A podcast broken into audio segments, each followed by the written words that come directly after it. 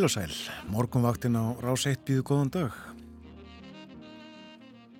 Það er miðugudagur komið 19. júli klukkunum vantan 9.27. Umsjónamaður þáttarins er Björn Þó Sigbjörnsson. Við hugum að veðrinu og nefnum fyrst að það er skíjað á höfuborgarsvæðinu, ekki glampandi sólskinu eins og síðustu morgna. En sólinn er komin upp, ég get fullir það, ég sá róða frá henni á skýjum á austurhimnum, svona undir skýjabakkanum, fallegi litir, mildari þó en við sólalag að kveldi. Við svora að sjá hvort hún brjótist almenlega fram í dag og skýni á okkur. En hugum að uh, hittast í og vindhraða á landinu nú í morgunsárið og byrjum í Reykjavík skýjað eins og áðursaði. Nýju steg að hiti, hægur vindur sjöstega hiti og logn á Kvanneri. Veri í Stikisholmi sveipaðu í Reykjavík nýjustega hiti, hægur vindur 2 metrar, austan 2. Nýju gráður á Patrísfyrði, nánast logn, sveipa veður í Bólungavík, 8 stega hiti þar. 6 gráður á logn á Holmavík, 6 gráðu hiti á Blönduósi og á Söðunisvita, 7 stega á Akureyri skíjað, sjöstig á Húsavík hægur vindur á öllum þessum veðuratónastöðum, fjóra gráður á Rauvarhöfn. Sjöstig á Skeltingstöðum, nýjustig að hiti á Eilstöðum, léttskíða þar, þrýr metrar sunnanátt. Og líkt á í gerðmorgun hlýjast með söðuströndinni tíu gráður á höfni Hortnaferði, 11 á Kvískerjum og tíu stig á Kirkjubæðaklaustri nýju stiga hitti á Stórhauða í Vestmanauðum sem og í Árnesi. Og heldur hlýra á hálendinu í dag en í gær. Fjórar, fimm, sex og jafnvel sjö gráður þar. En þá er það horfurnar og veðurfræðingur segir í hugleðingum stíf norðvestanátt með austuströndinni í dag en annars fremur hægur vindur.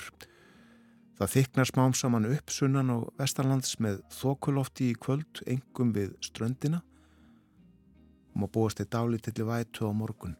Þungbúið austan til á landinu en létti smám saman til þegar líður á morgundaginn og hlínar í veðri á þeim slóðum. Síðan tekum við hæglætisveður, skýja með köplum eða bjartviður í skúradembur á stökustadi í insetum en þokubakkar lóna við sjóin. Hittin í dag frá 5 stigum þar sem svalast verður og það er um norð-austanvertlandið þó ekki 5 stig að hitti alltaða þar 5 til 12 stig á landinu norð-austanverðu en uh, upp undir 20 stig sunnalands. Svona eru horfurnar. Það gísa en í gígnum næri litlar hút á Reykjaneskaga en svo breyting var þar í nótt að rof kom í gígbarmin og uh, kvikan tók að streyma úr gígnum á öðrum stað en verið hefur að undanförnum og raunið rennur því öðruvísi en uh, síðustu daga. Segir í frétt hér hjá Rúf.is að uh, Raunnið flæði nú til suðvestus og í átt að litlar út. Eru meira af þessu í frettunum á eftir. Ég get þess líka í framhaldi að þessu að það uh, maður búast við þóku við góðstöðarnar í kvöld og þar með við búið að þar verði liðlegt skigni. Fólk hafið það í huga sem uh, allar að eldstöðunum í dag uh, verði snemma á ferðinni. Dagurinn í dag sá 200. í árinu. Það er miðsumar.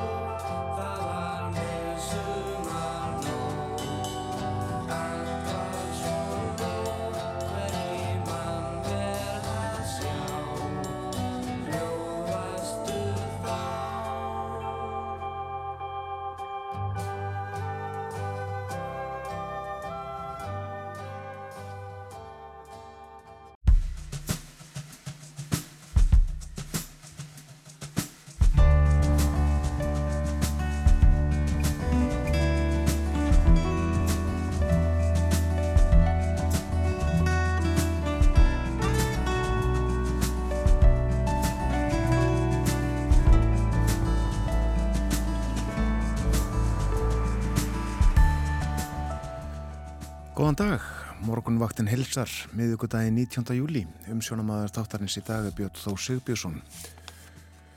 Það er ímislegt á daskar hjá okkur í dag, til dæmis stjórnmál. Það verður kosið til spænska þingsins nú á sunnudaginn.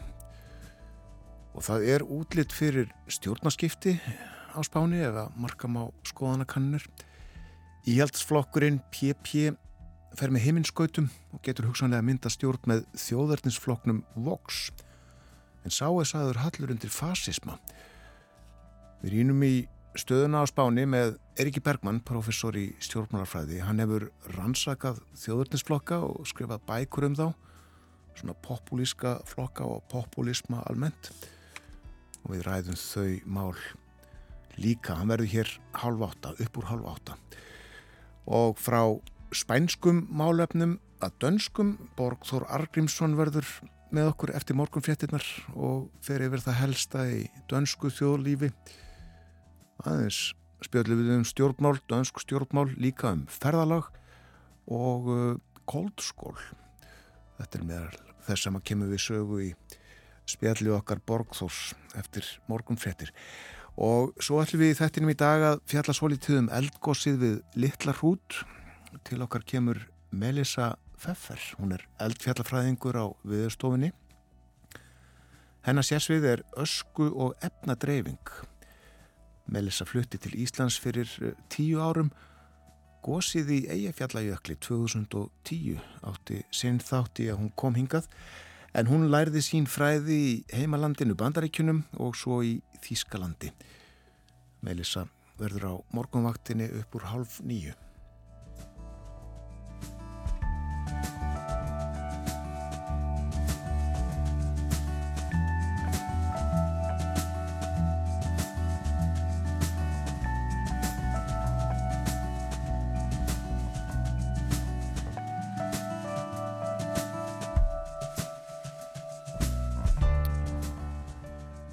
Almennt ágættis veður á landinu nú í morgunsárið. Hitti að tíu stegum þar sem að hlýjast var klukkan 6 í morgun. Og uh, ekkert rók að sjá svona á uh, mælum, mælum viðstofunar. Ég vil eitthvað skorti frá því í morgun. En uh, horfurna þær eru svona norðan og norðvestan 5 til 10 en 10 til 13 austan til lægi smám saman þegar líður á daginn. Víða bjart veður sunnan og vestan til en skíjað og þurft að kalla norð-austanlands. Það þyknar upp vestast á landinu sítegis með þokulofti eða smá súld við vesturströndina í kvöld. Og hiti 5-12 stig um landi norð-austanvert en 20 stig að hiti sunnalands að 20 stigum.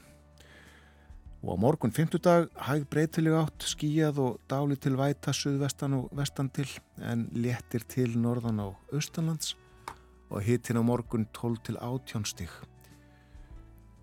Og fyrstu við erum byrjuð þá uh, eru horfur fyrir förstudag og helgina og mánudag. Svona hægir vindar skíjað með köplum eða bjartviðri og stöku skúrir engum síðdeis mildt í veðri og á þriðjudag er útlitt fyrir norð-östlæga átt, skíjað og víða dáli til regning eða skúrir og heldur kólnandi. Aðtúum þá hitast ég í nokkrum höfuborgum eins og við gerum annað veifið. Í Kaupmannahöfn er núna 15 gráður, þar er uh, klukkan farin að ganga 10 og hitin fer í 20 stig í dag sínist mér þegar hlýjast verður.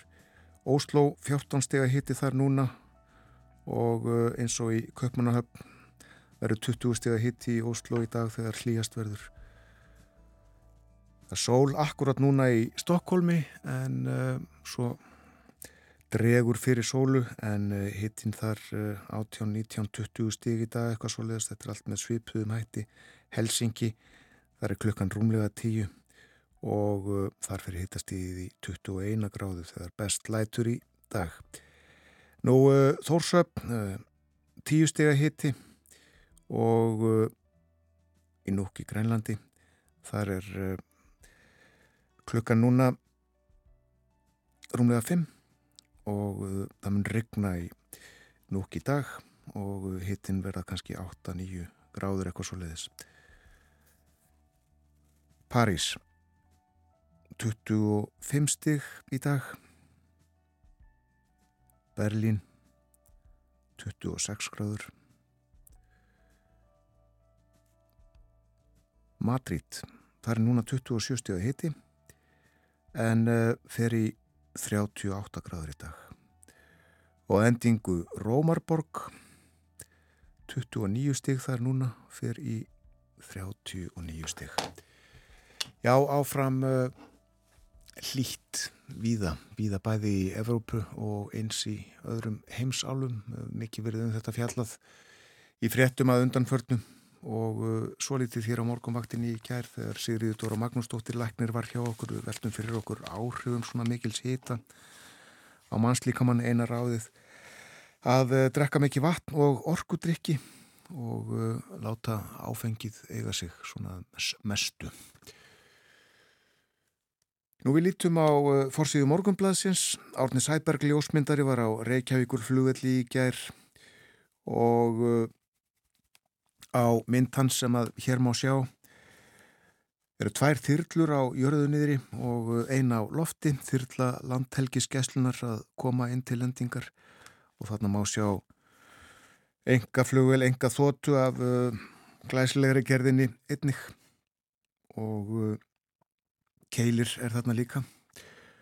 Og uh, tilefnið uh, að byrta þetta trú ég með brett frásögn að því að uh, þyrlu ferðamennska hefur tekið stökk eftir að það tók að gjósa við litlar hút margt fólk sem að vil sjá gósið úr lofti og fer í mist með þyrlum eða flugvelum þarna yfir og mikið að gera við að þjónusta þessi flugfur er uh, haft hér eftir henni Klótiðu sem að starfa hjá fyrirtæki sem að heitir sínist mér ACE FBO það sér hæfi sig í að þjónusta svona vélar. Mikið að gera þar. Nú uh, stórafréttin uh, er um þá niðurstöðu sem að kæru nefnd útbóðsmála hefur komist að. Hún hefur aflétt stöðufun á gerð áformaðs samningsvegagerðarinnar við verktakafyrirtækin Suðurverk og Loftorku um lagningu Arnanesvegar. En samningsgerð var stöðuð í kjölfar þess að lægstbjóðendur, óskatak og háfell sem buði í verkið samælega þau kærðu útbóðið til kærnendarinnar buðu já lægst en uh, vegagerðin ákvaðingu að síður að ganga til samninga við hinn fyrirtækin, suðurverk og loftorku. Nú uh, það var kert og uh, samningsferðlið stöðvað um hríð en nú hefur þessi kæru nefnd sem sé aflétt stöðuninni og áfram á vinnað samningum og stittist þá líklega í að vinna geti hafist eh, rætt hér við G. Pétur Mattíasson upplýsingafulltrúa vegagerðinar við erum að semja við Suðuverk og Loftorku við erum að býða eftir gögnum klárum samningin vantanlega í næstu viku. Það verður gott að koma þessu verkefni af stað og hann uh, bæti því við að eh, svo töf sem á orðið hefur á verkefninu vegna kærumálsins hún ætti ekki að fresta verklokum. Nú svo er hér á uh, forsíðinni uh, frétt sem að unnur upp úr miklu viðtali inn í viðskiptamokkanum við Þorsten Víglundsson, hann er fórstjóri í, í fyrirtæki eða eignarhaldsfélagi sem heitir Hornstein og uh, það uh, á nokkur fyrirtæki er í uh, verktakabransanum, ekki held ég þó verktöku sem slíkri heldur steipu framleiðslu og ymsu uh, því umlíku og Hann gaggrinir meðal annars Íslenskt regluverk, segir Ísland eiga að vera markað sem þróast rætt. Regluverkið, skrifræðið og heið opimbera yfir höfuð standi í vegi fyrir því. Hann segir lítinn sem engan vilja hjá stjórnvaldum til að einfalda regluverkið en eh, gríðarleg samkeppnis hindrun felist í því fyrir samfélagið í heilt og uh, hann tala líka um húsnæðismarkaðin og uh, segir óðmikil afskipti á íbúðamarkaði. Og uh, segir ég held að við séum með allt og mikil opimbir afskipti að því hvers konar íbúðarhúsnæði er byggt eða allt og mikil ingripp af hálfu hins opimbira hvað er verið að byggja hverju sinni? Það er handstýring á íslenskum íbúðamarkaði í átt að leigu Og uh, við sjáum það að á síðustu 30 árum hefur hlutfall leigu húsnæðis eða húsnæðis í eigu lögaðila aukist um 10% á sama tíma og húsnæði í eigu einstaklinga sem eiga eina íbúð hefur lækkað um sumu 10%. Og uh, hann bætir við að eftir hrun hafi verið ofinbyr umræða gegn sérregnastefnu sem að segir heimskulegt og rétt hér líka aðeins að fyrirsögninni á viðtælinu í viðskiptamákanum Verkalis reyfingin rót óstöðuleikans. Þósteinn var að þetta áður uh, frangatastjóri samtaka atunlífsins. Já, svo var hann uh, félagsmálar á þeirra í uh, ríkistjórninu sem að starfaði í 11 mánuði eitthvað svo leiðis. Satt á þingi fyrir viðrist. Við snúum okkur að allt, allt öðru, grömsum aðeins í sapninu eins og við gerum stundum hér á morgunvaktinni og við staðnæmumst við erindi sem uh, sér að Sigurður Einarsson í Holti flutti í útvarpi 1948. Sigurði leist ekki á þjóðfélagsþróunina og byggðaþróunina í landinu eins og hún var þá. Við skulum hlusta á þetta erindi Sigurðar uh, munum að áriðið 1948 það er örlítið stitt Gott kvöld góði hlustendur. Ég ætla að nota þessar mínútur sem ég hef hér í útvarpinu til þess að spjalla við ykkur um vandamál sem hefur orðið mér ljósara og ljósara núna senni árun eftir því sem að ég hef meira hugleitt um það Ég hef ekki getað farið í langar ferðir á Íslandi núna undanfærið tvö sumur af því að störf mín hafi verið þannig að ég hef verið bundinu við tiltölulega takmarka svæði. En aldrei fer ég um byggðirnar á Suðurlandi svo að mér komið það ekki í hug hver ákaflega sorglegt og ískikilegt vandamál það er sem að rýs fyrir augum okkar Íslendinga. Ef að fólkið í landinu tollir svo að segja hvergi í vistum nema við sjáarsíðuna Og ef að þessar byggðir með öllum þeim möguleikum sem þær hafa fyrir e, góða og skemmtilega afkomu og menningarlíf fólks eiga meirið að minna leiti að tæmast fyrir það að fólki vill ekki vera þar. Ég hef verið að velta fyrir því fyrir mér að þó að þetta fyrirbreyði sé að sönnu kunnugt úr öllum okkar nágrannu löndum. Þá er það ef til hvergi eins aðkallandi vandamál eins og hérna Því að eh, það má varlega heita að ég hitti unga konu eða ungan mann alin upp í sveit og starfandi þar enn. Að einhver staður í leinum hugan sé ekki draumurinn um það að komast sem allra fyrst og endanlega til Reykjavíkur eða í einhvern kustana til þess að lifa þar því lífi sem að fólki dreymur um að sé svo fullt af áhyggjuleysi og þægindu. En þessi óbyr okkar á áttögum og byggð og á þeim störfum sem að eh, lífið krefst að þar sé unnin, hún hlýtur að eiga sér einhverjar mjög djúptækar orsækir. Mér dettur í hug að við kunnum að vera svona háskalega lausir við byggðina og þau störf sem að þar verður að vinna ef að búnaður ná að geta orðið traustur hornsteinn undir glæsilegu og mönnuðu þjóðfélagi hjá okkur. Mér dettur í hug að það kunni að vera af því að Íslendingar eru miklu fremur að því er snertir landbúnaðin hjarðu þjóð en jarðræktarmenn eða svo hefur það að minnstakosti verið. Og ég held að við getum ekki farað að gera okkur neina vonum að á þessum hugsunarhætti, þessu líftengsli millir fólksins og landsins verður nokkur breyting fyrir heldur en að ræktun jarðarinnar með þeirri alúð og árvekni og ást sem það krefur er orðin miklu algildari undirstaða undir okkar landbúnaði heldur en, heldur en hjarðmennskan Þetta að láta allt sitt út á jörð sem maður hefur ekkert gefið og engu synd. Þess vegna skilst mér að allt sem að auðið er að gera í þá átt. Að breyta störfum íslenskra bænda í það að byggja fyrst og fremst á því sem þeir hafa sjálfur ræktað. Allt slíkt sé spori þá átt að varðveita byggðina og tengja fólkið við það. Annars er ég orðin einkennilega frábyttin þeim grimmilega asa og hraða sem að verðist einkenna allt þjóðlíf á Íslandi.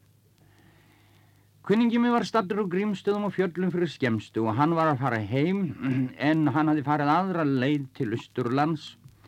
Nú skildi farið um Ívarsveit og hann átti þess kost að fara yfir Jökuls árbrúna nýju. Þetta er greindur og gegn maður sem að gætna vil hafa þann árangur að ferðalögun sínum að sjá það markvert sem að fyrir augu ber. Og þegar að haldið er af stað frá grímstöðun þá fer hann þess að leit við bifræðarstjóran í almenningsbifræðinni að harna skulinu með staðar og sérgefum kostur á að skoða þetta nýja og uh, mikilfenglega mannvirki. Þegar að bílinn nefnur staðar austan megin árinnar þá verður, þá er eins og skjelvinguljósti fólkið í bílnum, það, það kallar hvaðum annað þvert, akkur er verið að stoppa hér, akkur er verið að stoppa hér. E, jú, það er, segir maðurinn sem farið hafi fram á þessu stöðun, það er vegna þess að ég ætla að ganga yfir brúna. Já, það er alveg ótt að akana, það er alveg ótt að keira hana, hveður þá við. Þessu fólki nikkir við ef það á að nema staðar. Og í öðru lagi er það mjög lærdomsrikt við þessa litlu frásögu að engum manni sem er í þessari bifriði kemur það í hug að að það skulle vera til nokkur önnur ástæða fyrir því að maður fer að fara út úr bifrið og gangi yfir brú heldur en það að hann sé hrettur um að hann sé ekki aukufær eða með öðrum orðum að hann þór ekki að sita í bifriðin og uh, þetta einkennir okkur í landum ískeggilegri mæli heldur en heldur en eiginlega holdt og, og, og gott er Ég hef einu sinni komið svo að orði að ég hef enga trú á því að við stöðumst við byggðina með þeim ástar og starfstengslum sem að nöðsynlega eru. Jafnvel þó við byggjum ennþá meira af skólum og, og þó við kemur svo langt að geta reisti bíó við hvern, hvern fjósvegg í sveitinni. Einfallega vegna þess að eh, þeim sem að ættu að njóta þessara, þessara kvikmyndasýninga þeim myndi ekki þykja nógu fjölmett og skvaldur samt í slíku einstaklingsbíói. Nei, það er ræktun landsins sjálfs, ræktun landsins aftur sem verður að vera skapandi og undir grunnur þeirra tilfinningar sem að eflur mannin bæði til kunnáttu samlegra átaka í sínu starfi og bindur hjarta hans og hug við byggð sína og landsitt. Þegar að Jónas Hallgrímsson hvað búndi er bústólpi, bú er landstólpi, því skal hann virður vel. Þá sér hann eiginlega fyrir sér þann hugssjónarlega fullkomna bónda sem að er bundin þannig órofa tryggðatengslum við, við byggð sína og óðalsitt og hefur gefið enni að fullkomin trúmennsku þar rækturar starf sem heyrir til þess að geta í raun og veru orðið búþegn í þeim skilningi sem að Jónas sáða fyrir sér. Ég vildi óska þess og, og byggja þess að samskipti þjóðar og lands mættu í sívaksandi mæli færast í það horf að skapa þessi ræktartengsl og starfs. Og þá er mér ekki grunnlust um, eða minnstakosti svo er von mín að þá myndi færast meiri stöðfun og meiri festa yfir margt annað. Uh, fólkinu liggja kannski ekki alveg eins sem mikið á að það æða svo og svo mörg þúsund kílometra heldur leita sér menningar og gleði í því að higgja dáliti betur að því sem fyrir augun ber. Það hefur einandi þótt viðbrenna að mönnum þykir kannski danski bóndin grúfa fullmikið ofan í jörðina og hann hefur kannski ekki ferskeitlur og háflinga skáldskap á eins reyðum höndum eins og margur skemmtilegur bóndi sem aður hittir annarkort við starfsitt eða á ferðalögum á Íslandi. En danski bóndin er jarðræktar maður en ekki hjarðmaður og hann hefur í svona upp og ofan gefið jörðinu sinni hvern blóðdrópa orgu sinnar allt sitt starf og alla þá nattni og hyggju sem að til þess þurfti að búnaðurinn gat orðið óbífanlegur hornsteinn sá traustasti af öllum þeim hornsteinum sem að velmegun landsins og menning hvílir á. Það er þannig búnaður og þannig byggð sem að við viljum skapa og vonum að auðið verði að skapa á Íslandi. Verði sæl. Sigurður Einarsson, eh, prestur í Holti. Erindi sem að flutti 1948. Eh, Sigurður var eh, áður alþingismadur, hann var líka fréttamadur og fréttastjóri hér í útvarpinu. Nei, hún leist ekki á bleikuna, eh, leist ekki á þjóðfélagið og þróun þess, eh, mikil asi og hraði sem að einkendu þetta lífið í landinu. Stoppum, stöldrum við, skoðum, saði Sigurður Einarsson í þessu erindi.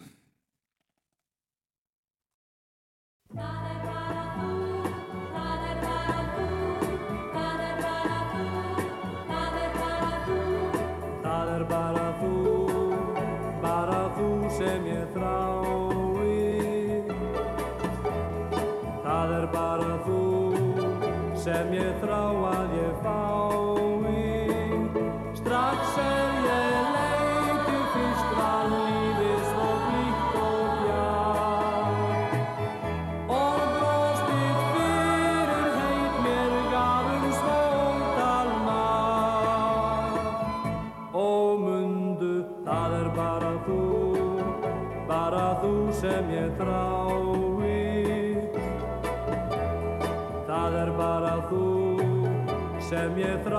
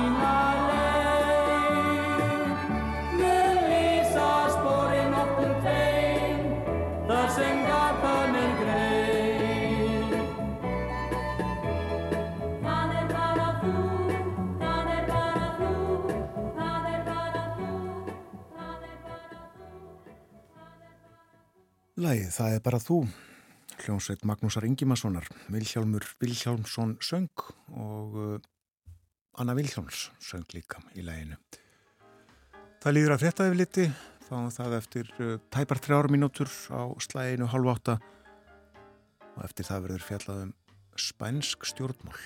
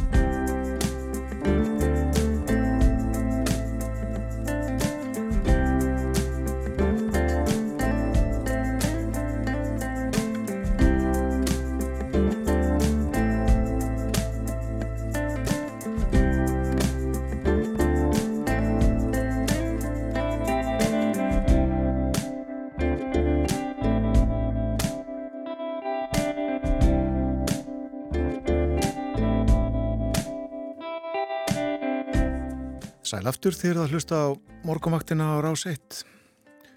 Vikan hálnuð miðugudagur í dag 19. júli. Klukkan réttliðlega hálf átta. Umsjónamaður þáttanins þennan morgunin er Björn Þó Sigbjörnsson. Við höfum yfir veðurhorfur dagsins, spáin er svona norðan og norðvestan 5-10 metrar, 10-13 metrar austan til. Það lægi smám saman þegar líður á daginn. Það verður viða bjart veður sunnan og vestan til, en skíjað og þurft að kalla norð-austanlands. Þyknar upp, vestast á landinu sítegis með þokulofti eða smá súld við vestuströndina og búast við því kvöld og hiti 5-10 stigum landið norðaustanvert en hiti að 20 stigum sunnalands. Minni á að eftir morgun 13. klukkan 8 verður Borgþór Argrímsson með okkur, hann segir okkur frá því sem er afstabauði í Danmörku þessa dagana og uh, svo verður hér uh, upp úr hálf nýju Melissa Pfeffer, hún er uh, eldfjallafræðingur, starfar á viðstofinni, uh, flutti til Íslands fyrir um tíu árum Það var ekki síst gósið í Eyjafjallajökli 2010 sem að dróðana til landsins. Við ætlum aðeins að tala um mengun frá eldgósi. Það er hennar sérsvið, hún er sérfræðingur á sviði ösku og efnadreyfingar. Við hefur verið þarna á góðstuðunum við mælingar. Melisa verður hér hálf nýju. En uh, nú ætlum við að uh, fjalla um spænsk stjórnmál. Það verður gósið á Spáni á sunnudaginn Þannig er að uh, fósættisátturann Petro Sánchez sem er leiðtói í Sósialdemokrata hann emdi til þessara kostinga í kjölfar hérads og sveitastjórnarkostinga í mæ. Þar fóru stjórnarflokkarnir halloka en hægri flokkunum gekk vel og nú er útlitt fyrir að svipa verði uppi á teiningnum að hægri flokkarnir komist til valda. Skoðanakannir benda í þá átt allavega. Hér er Eirikur Bergmann, professor í stjórnmálafræði. Við ætlum að velta fyrir okkur stöðunni á spáni núna örfáum dögum fyrir kostningar og uh, tala líka um fasisma. Eirikur, þú varst á spánin íverið, fer mikið fyrir stjórnmálafólkinu í fjölmjölum svona yfir hásumarið?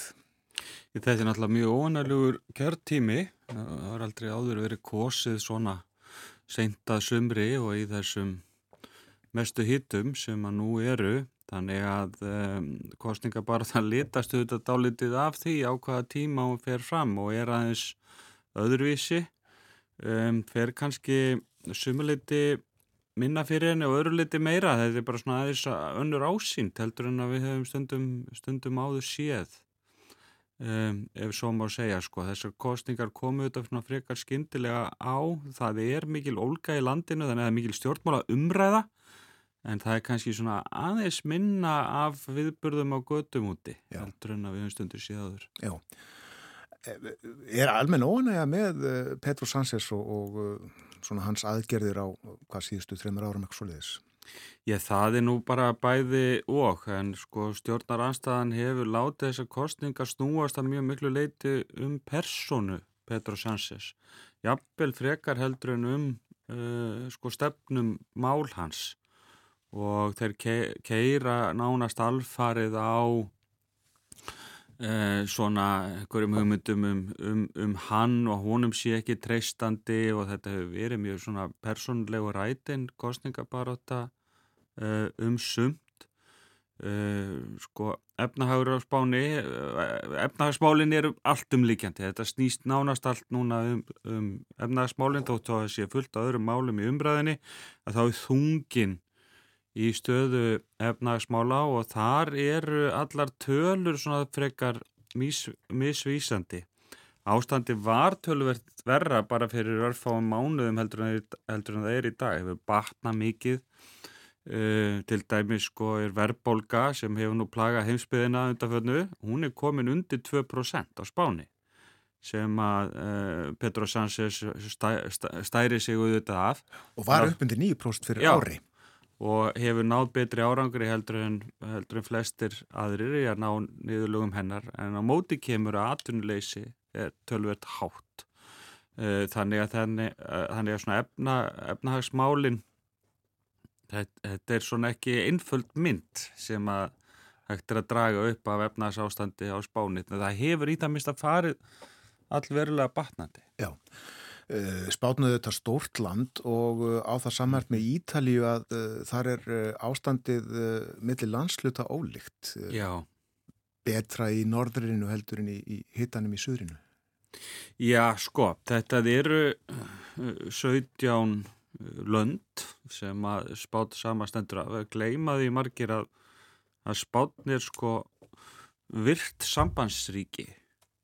Þetta er ekki einslegt ríki eins og við þekkjum heldur eru þetta 17 lönd og sum þeirra hafa meiri sjálfstöð heldur en önnur, til dæmis hefur Katalóni meiri sjálfstöð heldur en önnur héruð og sama á, á viðum um Baskaland og það eru þetta hérna sjálfstæðis baráta sem á sér stað í, í, í sumum uh, landana og staðaflokkana er töluvert mísjöfn eftir uh, þessum, þessum svæðum. Og það fer ekki alveg eftir svona sumu skiptingu og Ítalíu, þetta er annars konar skipting. Til dæmis í sko á ríkasta uh, svæðinu í Katalóníu, þar hafa vinstri menn alltaf haft uh, sagt, mjög sterka stöðu. Uh, meðan hægri menn hafa verið sterkari til dæmis í kringum Madrid.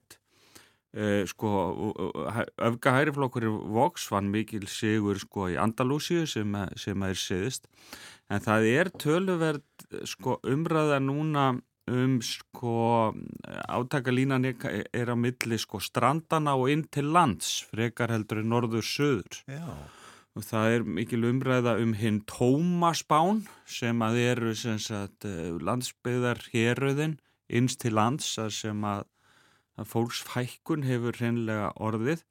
En velmegunin hefur verið miklu meiri e, við strendunar og auðvitað náttúrulega í Madrid, höfuborginni að sjálfstöðu sem er náttúrulega djúpt inn í og hátt inn í, inn í landi. En það er þessi samsetning ríkisins sem að gerir stjórnmál þarna öðruvísi sko. Já, og til dæmis þetta er aðtillisverð sko að það er hérna hér að Aragon sem að margir vilja líta á sig svona svipað og Ohio í bandaríkjunum að sagt, sá sem að vinnur Aragon, hann vinnur uh, kostningarnar, þannig að það er mjög mikil hérna, bara þetta um Aragon núna já, já. og hérna uh, liðflokkurinn er með vinningin þar í augnablíkinu. Það er einmitt það, já. Eh, þú myndist á Katalóniu það var mikil reyfing í áttil sjálfstæðis Katalóniu fyrir fimm árum eitthvað svoleiðis, er þau mál enn upp á borðum?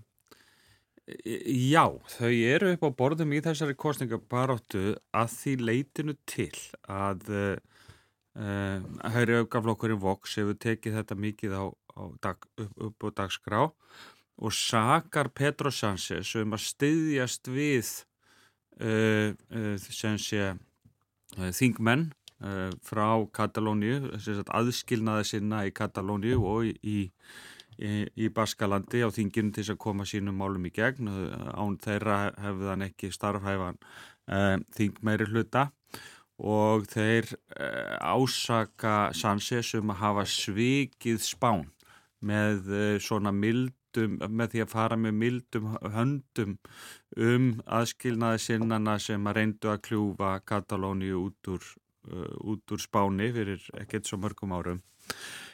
Umræðan um sjálfstæði Katalóníu hefur ekki verið mikil, hún hefur ekki risið hátt eftir þessar um, aðgerðir sem að örðu þarna fyrir fimm, fimm árum síðan uh, rúmum uh, og þetta er ekki mál sem er lifandi umræða um í uh, sko, þjóðmálunum um að Katalóníu sé núna á leiðin út.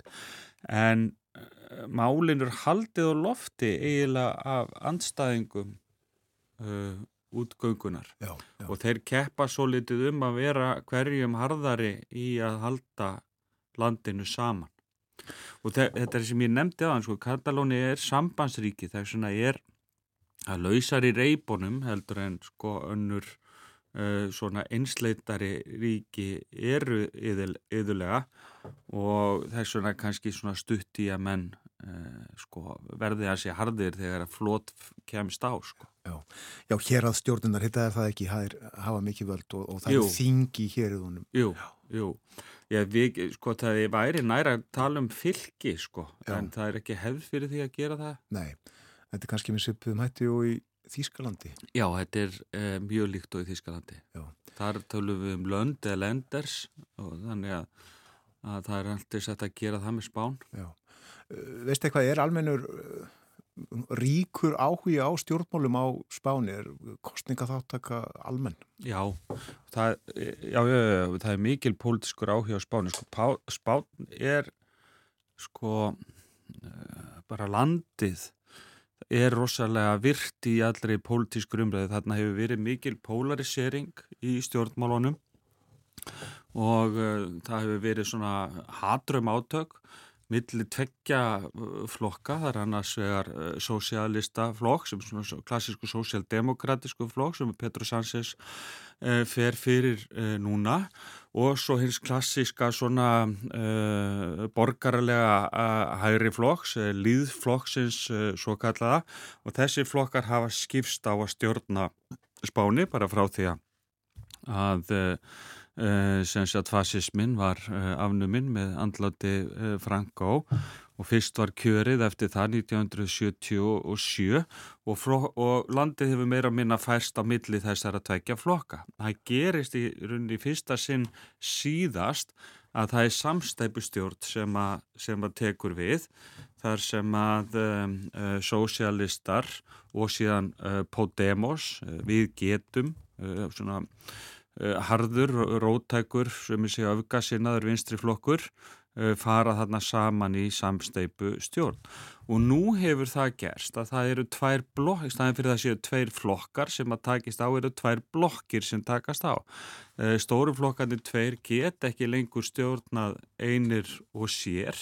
Þeir þurfa uh, samstarfsflokk með sér og úr hefur orðið þessar tvær blokkir. Það eru annars vegar sósíaldemokrater sem að styðja sig við Eh, svona reyfingu sem núna heiti Sumar og hér var Podemos einu sinni en er búið að sapna saman svona flerri vinstirflokkum inn í þessa reyfingu, Sumar reyfingu og Jólanda Díaz sem er mjög svona öflug róttæk eh, stjórnmálakona fyrir fyrir. Um, ég held að þetta hafi verið um 15 reyfingar sem hafa komið um, inn í Sumar og þetta er sérst önnublokkin og hinum megin er þá liðflokkurinn sem að verður að reyða sig á voks með er klárt og hvitt hægri öfgaflokkur uh, bara svona með af hardari gerðinni af því sem við höfum séð um, í, í Evrópu.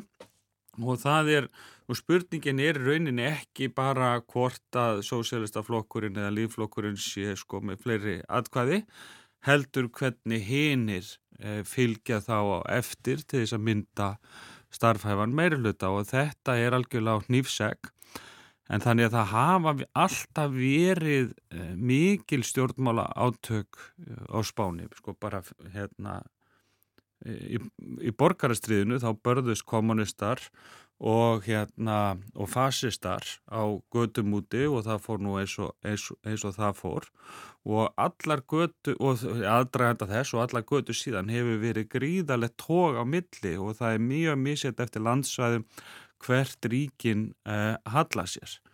Eh, fasistarnir voru sterkastir í söðrinu í kringum Madrid og þar eh, meðan að, að lífveldisirnar voru miklu sterkar í Katalóni og Víglina lág eftir Ebro uh, fljótinu. Og stjórnmál í, uh, á Spáni hafa verið sko þau hafa þau hafa alveg verið sko þau verið ekkert verið óbeldisfull fyrir aðgerðir etta í, í baska hérðum en þau hafa verið áköf. Já. Tölum svolítið um uh, Vox þennan uh, hægri, hægri, hægri flokk uh, sumir vilja meina að hans sé einmitt bara fasískur tekur undir það Sko, þegar að við ræðum hérna, þjóðetnis uh, aukar í, á spáni, þá er nú stutt í söguna og fasistar áttu hvað farsalastan stjórnmála feril nokkuð staðar á spáni. Uh, hérna, Franka og Hersöðingi tekur völdin 1936 og hann uh, sko stýrir landinu og heldur því saman alla göttur fram í andlátsitt 1975 þegar að, að sko fasískar hugmyndir eru algjörlega útskúaður nánast allstaðar annar staðar í veröldinni eftir síðari heimstyrjald þá heldur hann bara sinni styrku stjórn áfram uh, á spáni og lætur þær ekki úr, úr hendi fyrir bara ofan í gröfina uh, var komið og spánverjar hafa orðið að gera upp við þessa fasísku arfleð sína eh, síðan sem hefur gert það verkum að þjóðurnisauka hugmyndir hafa átt erfitt eh, uppdráttar. Þeim var auðvitað útskúfað á Íberíu skaga um, eftir, eftir nellikubildinguna í Portugal 74 og svo hérna um, endalók fasismans á, á hérna á Spáni 75 en síðan hefur ymmislegt verið að breytast bara á allra seinustu árum.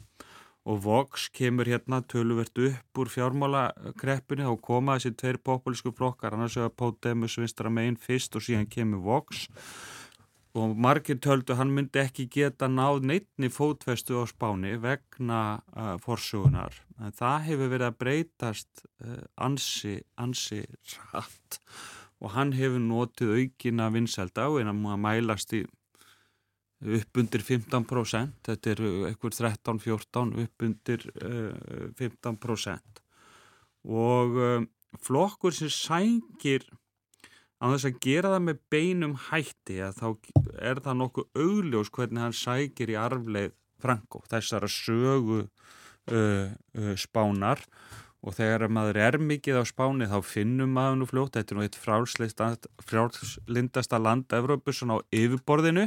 En þegar eitthvað svona ágengur þá finnum maður nú fljótt að fasismin liggur hérna undir niðri.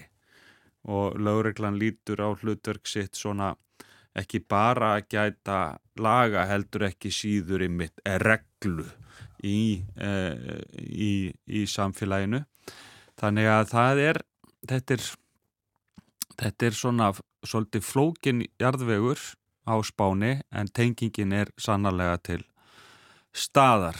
Ég byrði afsaka þetta langa svar við spurningunni. Þetta var gott svar. Eh, sko, ég hjótti því að þú uh, talar um Pótemu sem auðga vinstriflokk. Við heyrum ekki Já. oft talað um auðga vinstriflokka í, í umræðum. Já, ég vil nú nota frekar orðið sko, populískur vinstriflokkur mm. og það er sama og heila við um, um um hérna Vox. um, um Vox en það sko populismin eða öfgar í stjórnmálum geta auðvitað verið allt eins til hægri og til vinstri. Það, það er alveg, getur allt eins farið til begja inn á báða vangi hvað það varðar. Og það eru misjæfti tíma og rúmi svona hvor vangurinn er þá kannski sko meira upp á, upp á borðum og ástæðan fyrir því við tölum meirum, höfum verið að tala meirum hægri öfgaflokka uh, á Vesturlöndum undarfötnu er bara að það hefur verið meira um þá hér núna. En það eru önnur uh, aðrir, önnur svæði sko uh, í heiminum þessum öfgavinstri flokkar eru sko ráðandi í þessum populíska í þessari populísku pólitík til dæmis í Rómusku Ameríku Venezuela, uh, Bólivíu, uh, fjöldum annar, annara landa eru þetta populíski vinstriflokkar sem eru svona uh, ráðasviðinu og Podemos sækir svo litið í það þessa rómönsku, amerísku gerð á stjórnmálunum en það er náttúrulega ennþá mjög sko náinn tengsl milli Spánar og rómönsku Ameríku. Og það sem gerist í rómönsku Ameríku hefur áhrif á Spáni og, og, og öfugt. Uh, og svo hefur það auðvitað líka verið uh, hérna kommunismin er náttúrulega bara yktasta útgáfan af uh, aukasinnuðu vinstristefnu eins og fascismin er yktasta útgáfan af aukasinnaðri hægri stefnu og stundum hefur verið að takast á við það í sögunni að, hérna, að kommunismin hefur verið ráðandi á einhverju svæðum. En þannig að að, að, að sko svo umræða sem hefur verið undarfæðni um sko hægri öfgaflokka e, í Evrópi er bara einfallega vegna rúms og tíma sko. Já, en uh, Santiago Abascal Já. heitir hann, Letói Vox, uh, ég minna hann er ekkert svipaði Franko og neitt háttið það. Nei, hann er miklu bara svona meirið þess, þessi sko klassíski, eða svona ætti þessa, þessa vestur-evrósku uh, hægri populista sem við sjáum í dag, svona um, einhver leiti sko háðfugl, um, minnfugl sem að sko um, gaggrínir uh, kerfið fyrir linkind og, og spillingu og auðmíkjaskap og allt það.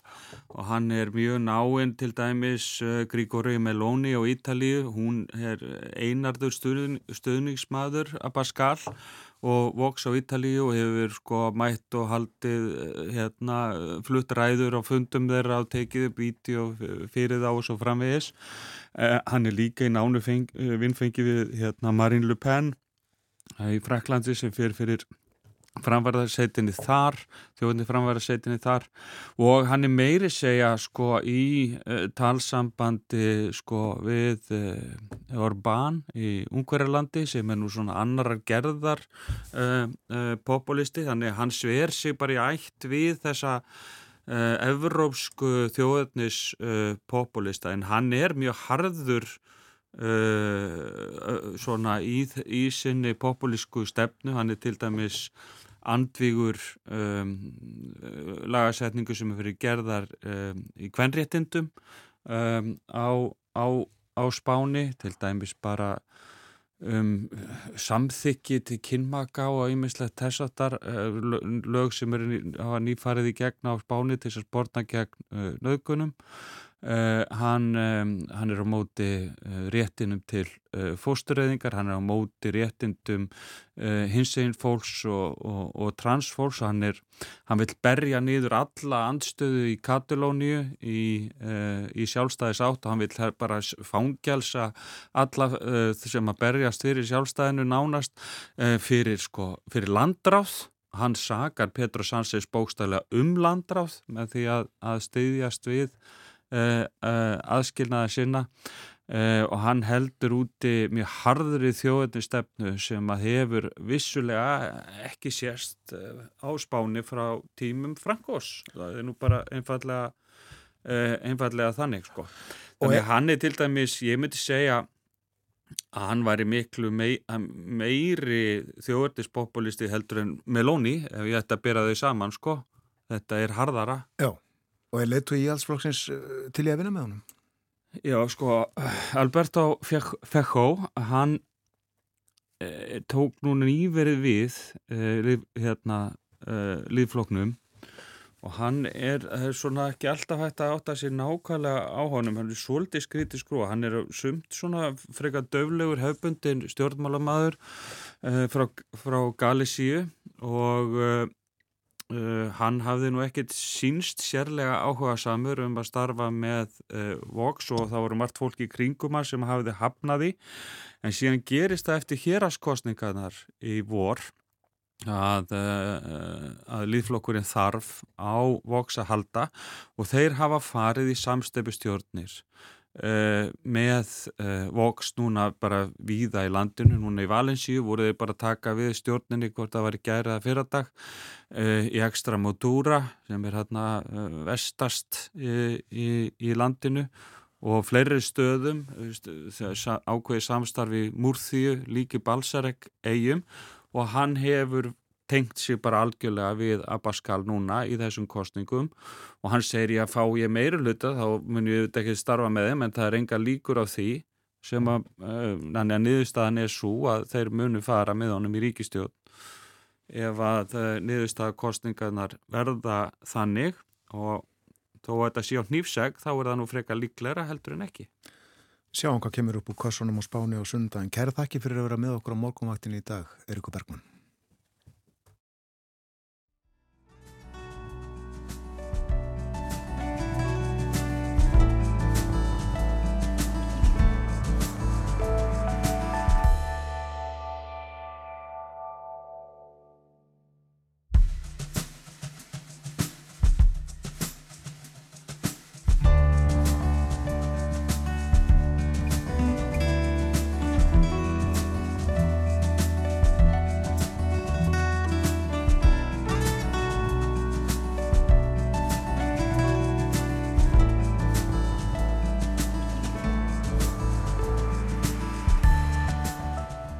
Sælaftur þegar það hlusta á morgumaktina á rás 1 klukkan farin að ganga nýju. Það er miðugudagur 19. júli. Eirikur Bergmann, stjórnmálafræði, profesor var hér áðan við töluðum um stjórnmálin, stöðuna í stjórnmálunum á Spáni, það verður kosið þar á sunnudaginn. Ég minni á að eh, hér upp úr hálf nýju þá ætlum við að tala svolítið um eldkosið á Reykjaneskaga. Hingað kemur Melissa Pfeffer, hún er eldfjallafræðingur á viðstofinni, sérfræðingur á sviði ösku og efnadreifingar. En nú er komið að eh, rappu um það sem er eftir að bau í Danmörku. Góðan dag, Borgþór Argrímsson í Kaupanahöfn. Já, góðan dag. Tölum aðeins um veðrið fyrst, það hefur verið hitabilgja í Evrópu og víða í heiminum hefur bilgjan svo náð til Danmerkur. Já, hún náði hingað svona um síðustu helgi, þá var mjög heitt sem staðir í landinu, fóri yfir 30 gráður á Sjálandi og á Jólandi segja og Fjóni má ég segja og uh, það er svona þykir nú í herri kantinum en, en þessi mikla bilgja í Suður Evrópu, hún er nú ekki hingað sem betur fyrr. Já, akkurat.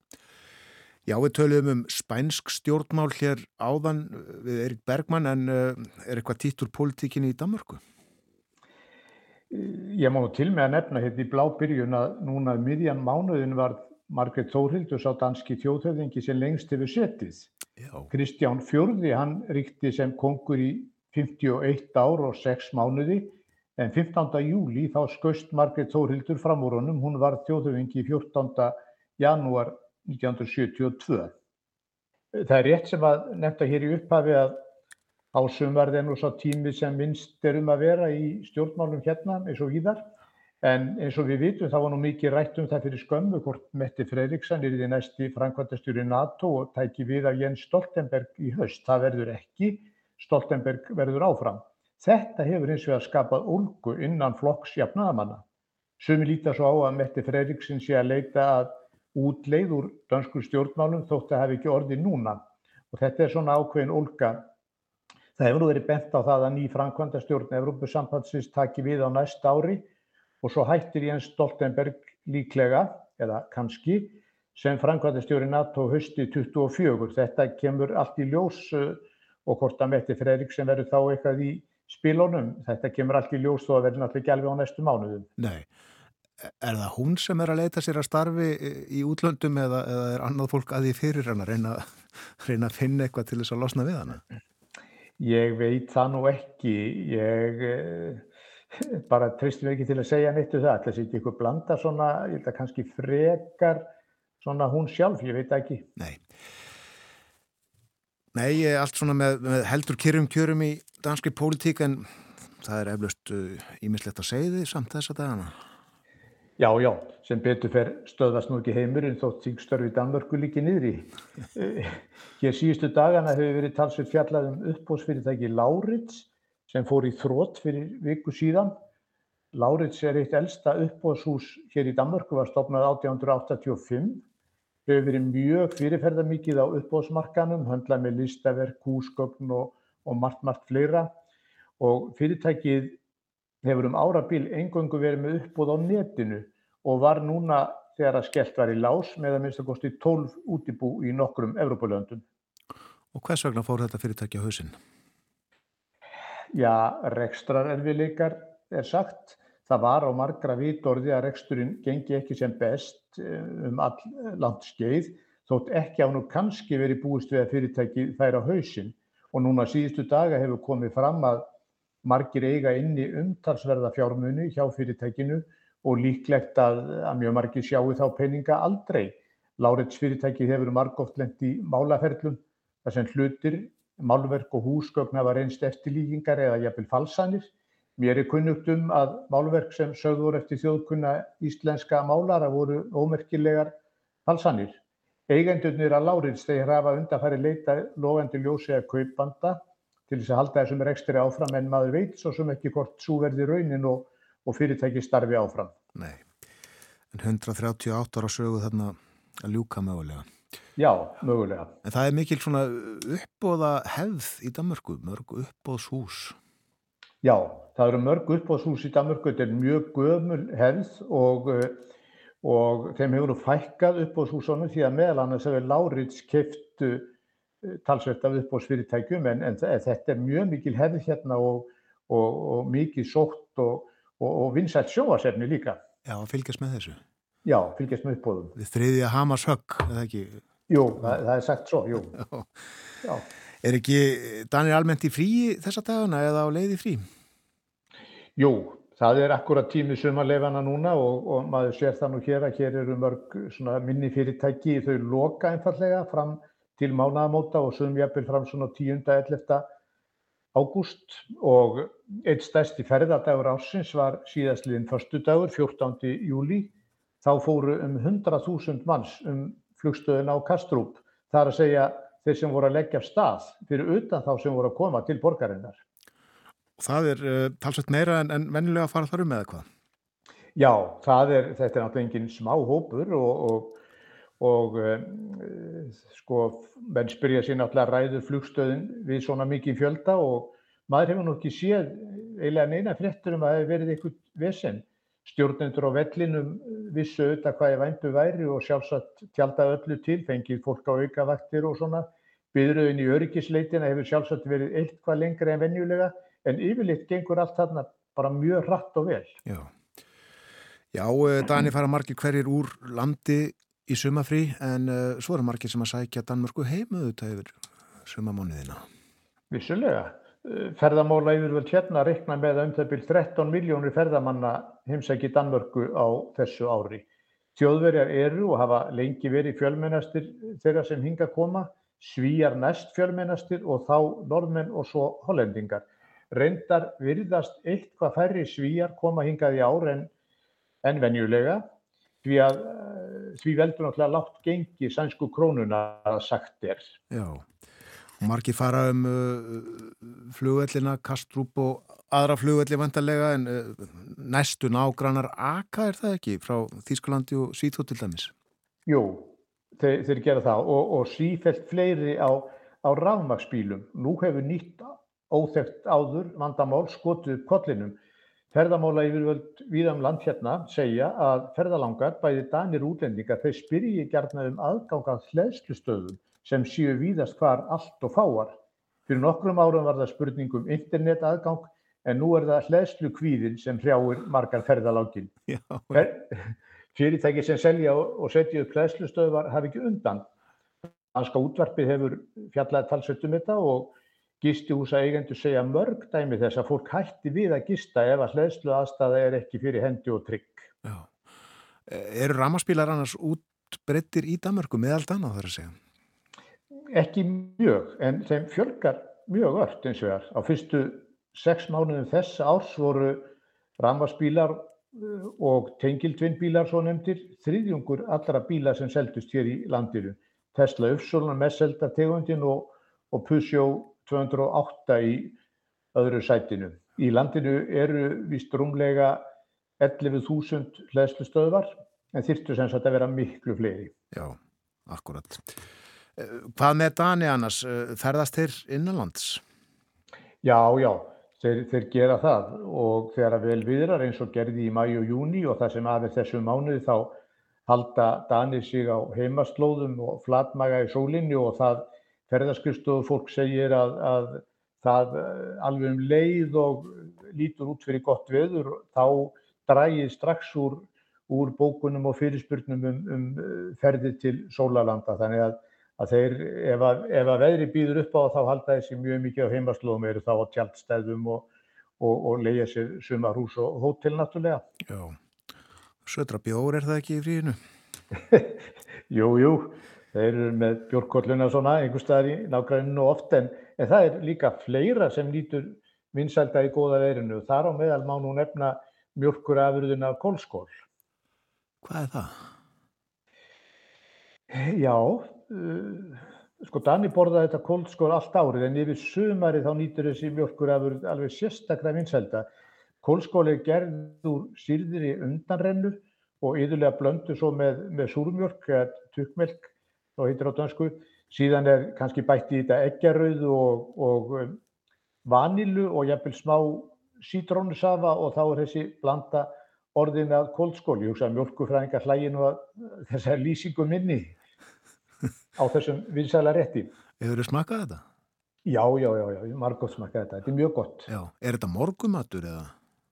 Já, þeir, þeir borða þetta bara á öllum tímum dags, bæði sem morgumatt og, og í hátteginu og kaffinu og, og hérna á kvöldu líka sem, sem eftir rétt og það tilherir að setja út í þetta svona eitthvað sem að líkist litlum tvíbökum, heitir kammerjúngeri, þessu smetlaðir út í og út í svona eins og við gerum með tvíbökunar og kakosúpuna og svo, svo bryðjaðir kammerjúngaranna og, og, og renna niður með kóldskólinu. Já, og þetta er já morgunverður hjá sumum og jafnvel hátegisverður og eftirréttur á kvöldin og, og borðað uh, af vetturna og líka á þegar gerir þetta ekki svalandi, kallt og gott?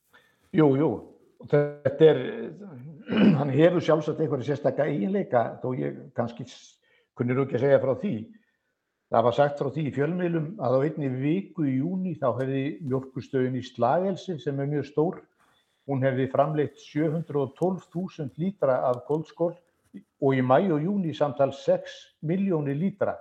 Þetta kuð vera met og sagt tengjast miklum hitum á þessum tíma. Það er einmitt að, þetta er svarandi. Það hefur verið sungið um þetta eða það er ekki kólskól? Jú, það hefur verið, verið sungið um þetta mikið og talað um þetta náttúrulega og orrt ljóð og, og ótal lög sem til eru um, um kólskól og, og um, ég veit nýjum hvort að Dani syngja það nú neitt svona dagstælega en þetta verður allavega verið yrkisefni bæði ljóðahöfunda og, og lagahöfunda. Já, þú fannst til eitt lag, e, eitt af fjölmörgum sem eru til um Kóldskól. Já, já, ég fann eitt lag, það heitir einfallega Kóldskól og það er Bjarni Lisby, sektur söngvari sem flytur. Hann samti bæði lag og texta og þetta er svona óður til Kóldskólinn. Hann bara gæti ekki gert neitt þá hann var búið til Thailands en hann gæti ekki farið því hann þurfti að vera heima og borða kólskól og, og allt annað eftir því. Þú skulle hlusta á þetta. Kæra þakki fyrir spjallið í dag, Borgur Argrímsson í Kaupanahöfn. Já, takk svo mjög leiðis. Um uh, eitt og annað danst það sem að uh, rætt er í fjölmjölum og uh, fólk aðhefst þessa sumardaga og uh, við gerum eins og við sögust alltaf gera hlustum á þetta lag uh, Bjarni Lísby og Cold Skól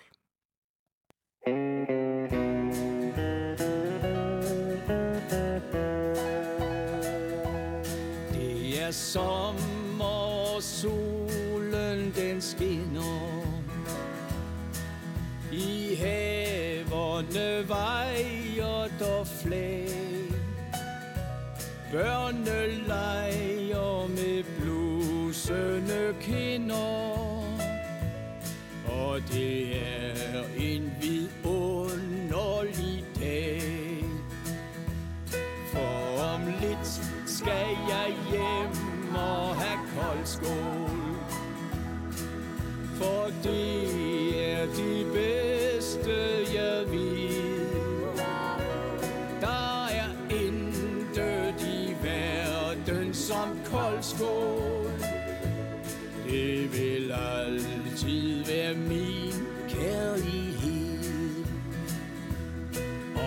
jeg mødte min ven Karsten Meyer Og han kiggede tørstigt på mig. Og han sagde, skal vi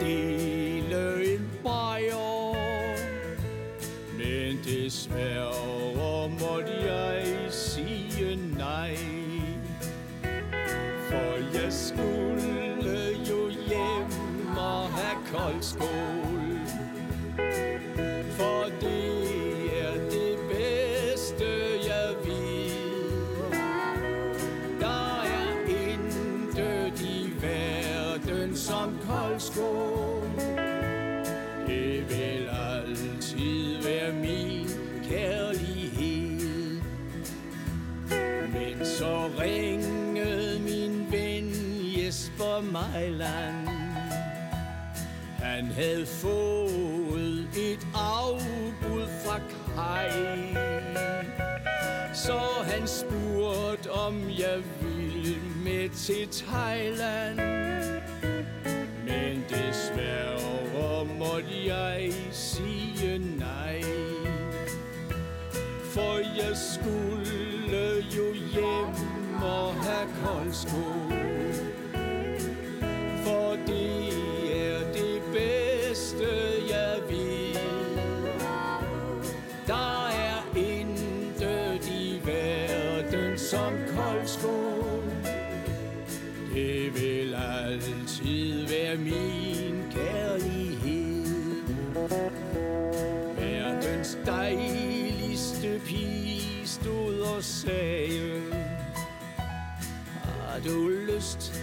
Lyst, vi tage hjem til mig. Og jeg sukkede, men svarede tilbage At desværre må jeg takke nej. For jeg skulle jo hjem og have koldskål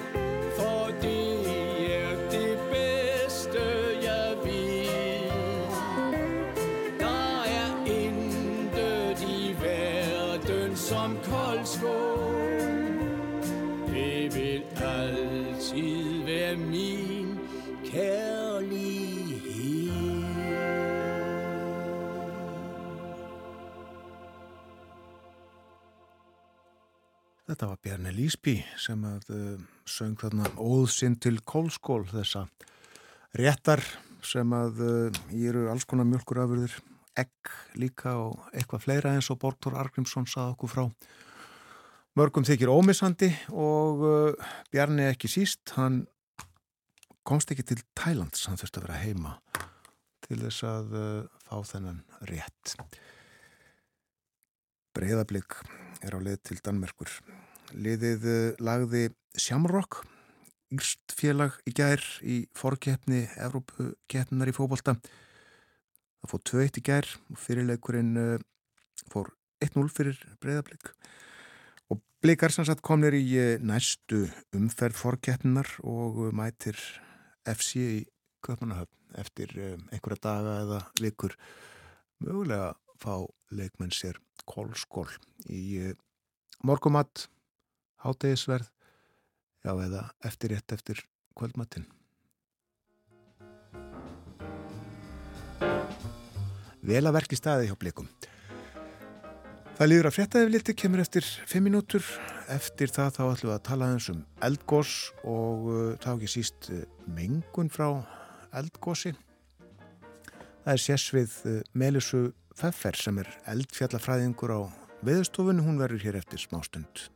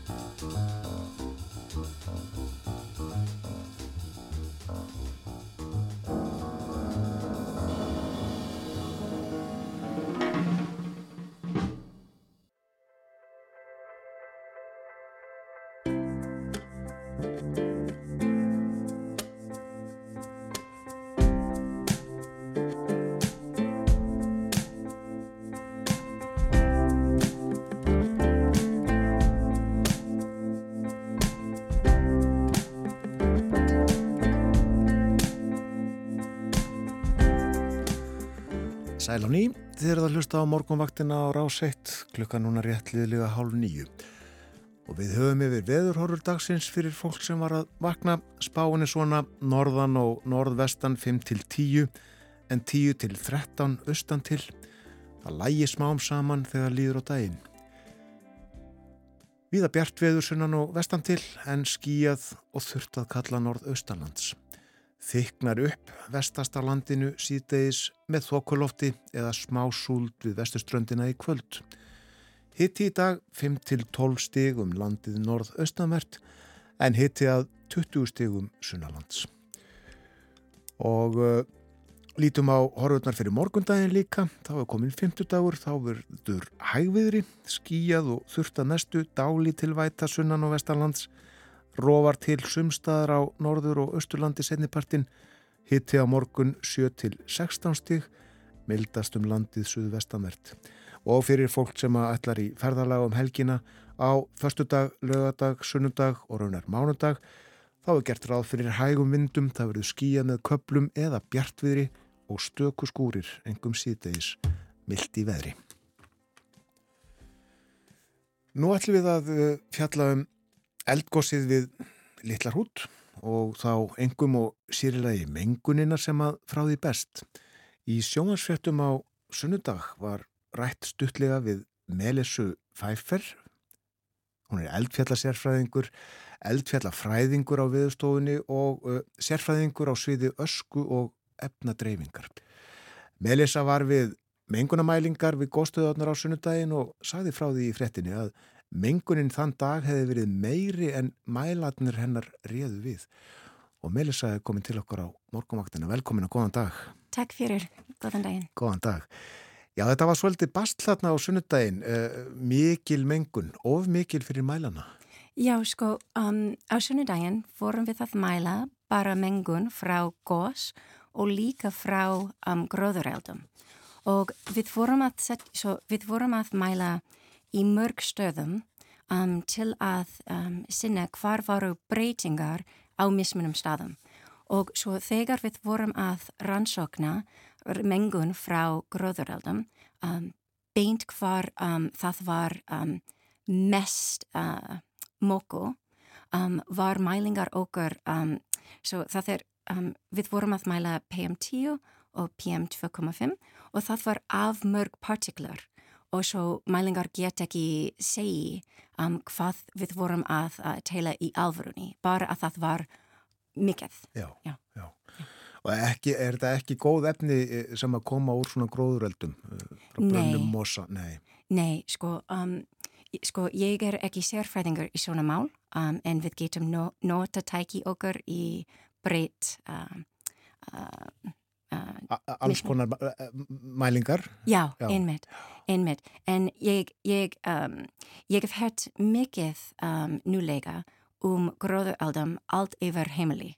Og svo við hefum hægt mikið um gróðuraldum frá, frá Kanada Já. sem hefur árið á bandaríkinni og líka í Ástralíu um, í fyrirmálið og svo um, við erum að hugsa meira um mengun frá gróðuráðum líka á Íslandi.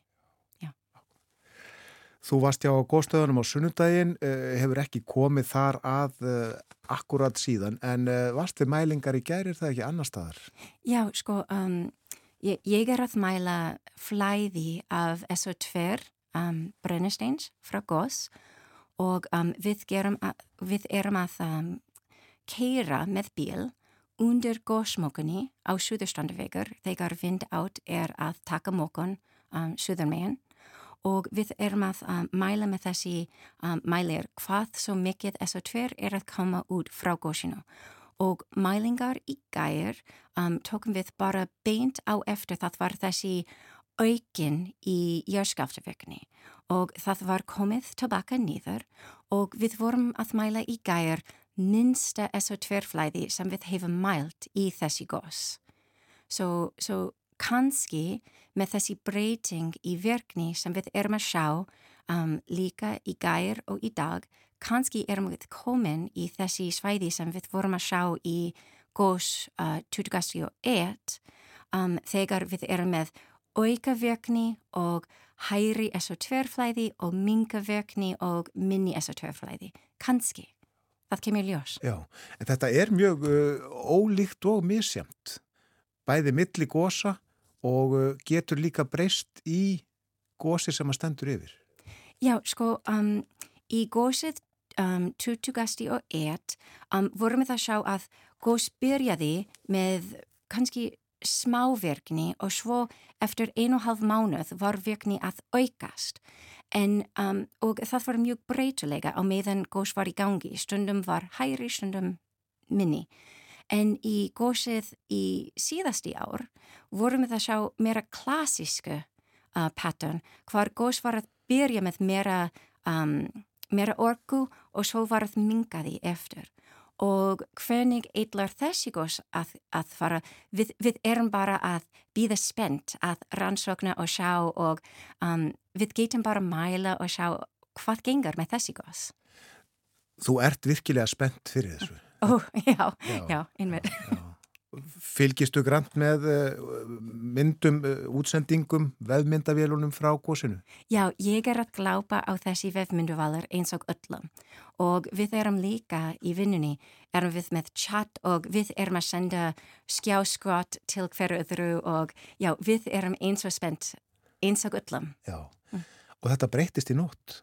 Já, einmitt, sko, um, það var fyrsta breyting um, í gær kvöld um, um eftir hádegis og um, svo var þessi breyting um, stutt kannski í tvö klukkatíma en það var stór breyting í dag klukkan fjókur var gigbarm að datt nýður og svo var raunreynslu að breyta átt og það er bara mjög spennandi að fylgja með um, svona breytingar og hvaðan árið hefur þessi voru, voru þessi breyting í jáskatavirkni í orui var þessi út af breytingar í um, staðan undir jörðinu eða staðan í gigan sjálf eða um, það sem ég hef mest áhuga í er það breyting í gas sem er að koma upp í frá kviku.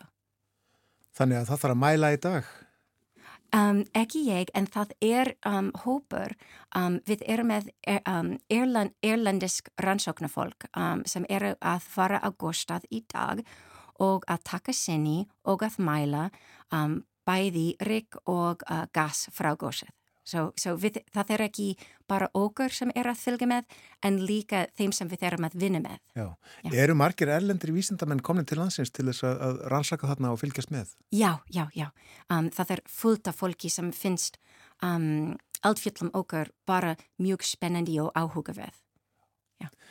Við höfum talað eins um uh, gasmengunina og, og uh, efnin sem eru í menguninni. Uh, þetta breytist og er ólíkt bara í þessum góðsum til dæmis á Reykjanes skaga ef við miðum þetta við önnur eldgós á Íslandi til dæmis góðsið í hólurhraunni fyrir tíu árum, er þetta allt öðruvísi heldur en var þar?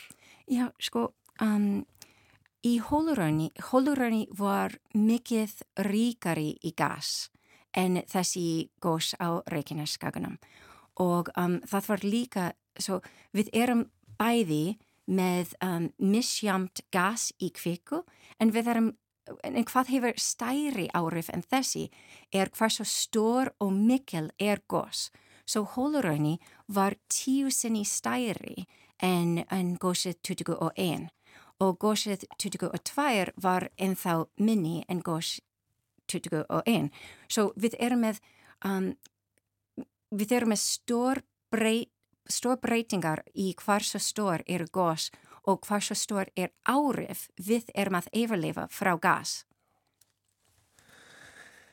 Þú nota, þú notaði dróna er það ekki við, við eh, mælingarnar og, og rannsóknuna núna. Já. Það lítur að hafa orðið mikil breyting í þínu fæi og starfi eftir að drónarnir komið til sögunar.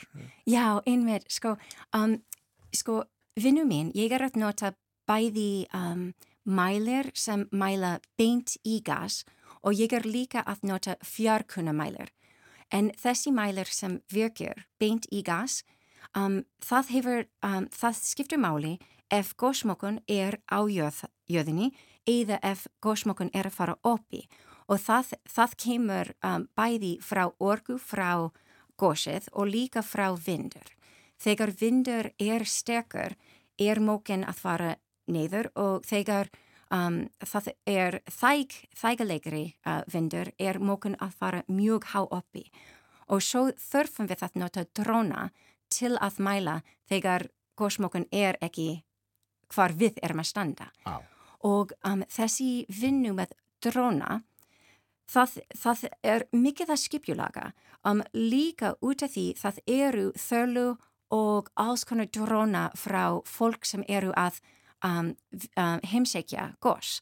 Svo rannsóknumenn um, eru í þessi, uh, uh, það er ekki bara okkur sem vil vera þar. Nei. Nei, það er fullt af fólki sem vil vera þar. Margi, margi drónar á lofti. Já, já, já. já. Stýrir honu sjálf? Ekki ég, Nei, nei, nei, nei. Ég hef ekki lært svona. Nei, það þarf að læra þetta alveg sérstaklega. Kanski, en það er svo mikið að gera þegar það er svona mæliferð. Það er ekki bara að flýja dróna. Það er líka að, um, að vinna með gung þegar dróna er komin tilbaka og líka til að um, hugsa um hvernig eitthvað það gera næst. Svo það er best að gera svona vinnu sem hópur. Svo ekki bara ein mann sem get gert allt, en hópur með breytt þekkingu. Já. Já, Emilisa, segðu mér, eh, hvers vegna lærður þú eldfjallafræði?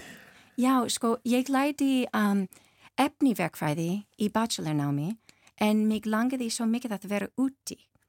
Og svo ég var með um, professor og hann bara segði, um, Melissa, af hverju vildu ekki rannsókna mengun frá eldfjöllum? Og ég var, já, ég get vera úti. Já, það hljóði mjög vel. Og svo var ég að læri í um, Háskóla New Mexico, hvar ég var að rannsókna eldfjall um, í Costa Rica og svo flutti ég til Þískalandi hvar ég var að vinna með eldfjallum í Indonesien um, og já, svo það er bara mjög, mjög spennandi vinnu, já. Gott að vera úti. Einmitt, Já, já. best.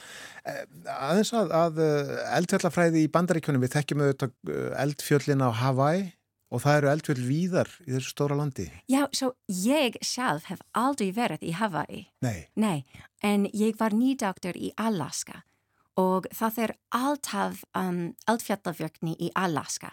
Um, svo það er góðs í gangi núna. í Alaska. Já, Já. Já. Og það gýst líka á Hawaii, er það ekki núna? já, Já. já, einmitt. Og á Reykjaneskaga á Íslandi. Einmitt. Gaman í vinni? Já, já, það, það er svo um, auðvitað, um, það er mjög mikilvægt að halda í huga að þessi jöðskjáltaverkni sem kemur áður en gos um, hefur stóri árif á tilfinningi fólki. En, og, og líka gos, svo gos getur, getur verið hormungur en get verið líka verið um, fallegt og, og áhugaverð og spennandi. Það er þessi bæði eru satt á sama tíma. En fyrir eldfjallafræðingar er þessi tíma sem byggja upp til gos og gósatíman sjálf og á eftir þegar við erum að vinna með þessi göng sem við getum ekki fá ef við erum ekki með gos það, það er allt spennandi. Um, svo já, bæ, bæði að vera úti og að, að hugsa um hvernig get vinnu okkur verið mest um, best fyrir samfélagið. Hvað getum við rannsókna svo að við erum örugri, svo við, ger, við, við getum verið örugri að búa saman við eldfjöllum. Það er lífið hér og við, við þurfum að vera um, nálegt gos svo best sem við getum verið. Það er gaman en uh, ekki bara gaman, þetta er gaglegt líka og mjög mikilvægt fyrir samfélagið. Einmitt, einmitt, einmitt. Hvaða verkefni býðaðin þegar þú kemur í vinnuna í dag? Ok, sko, í dag er ég með um, langlisti til að klára áður en ég fara í frí í kvöld.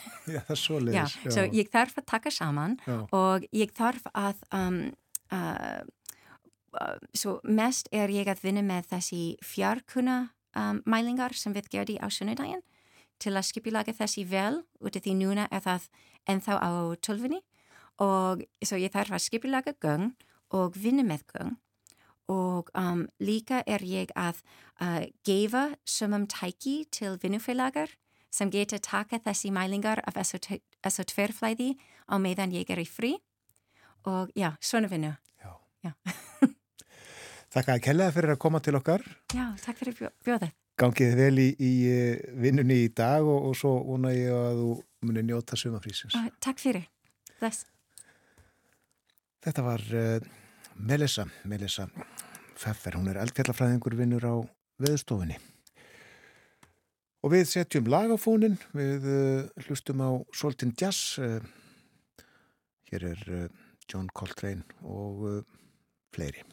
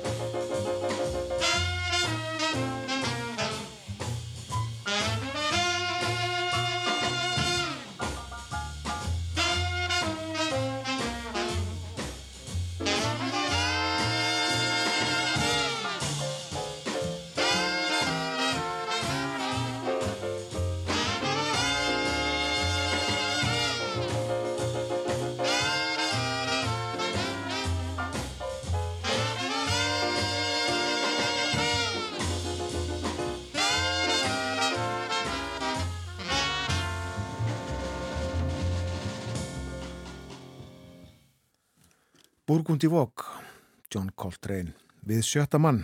Hann leikuði þetta á tenorsaxofón en uh, þarna líka leikið á allt saxofón, trompet og básunu og svo þetta trommur, bassa og piano.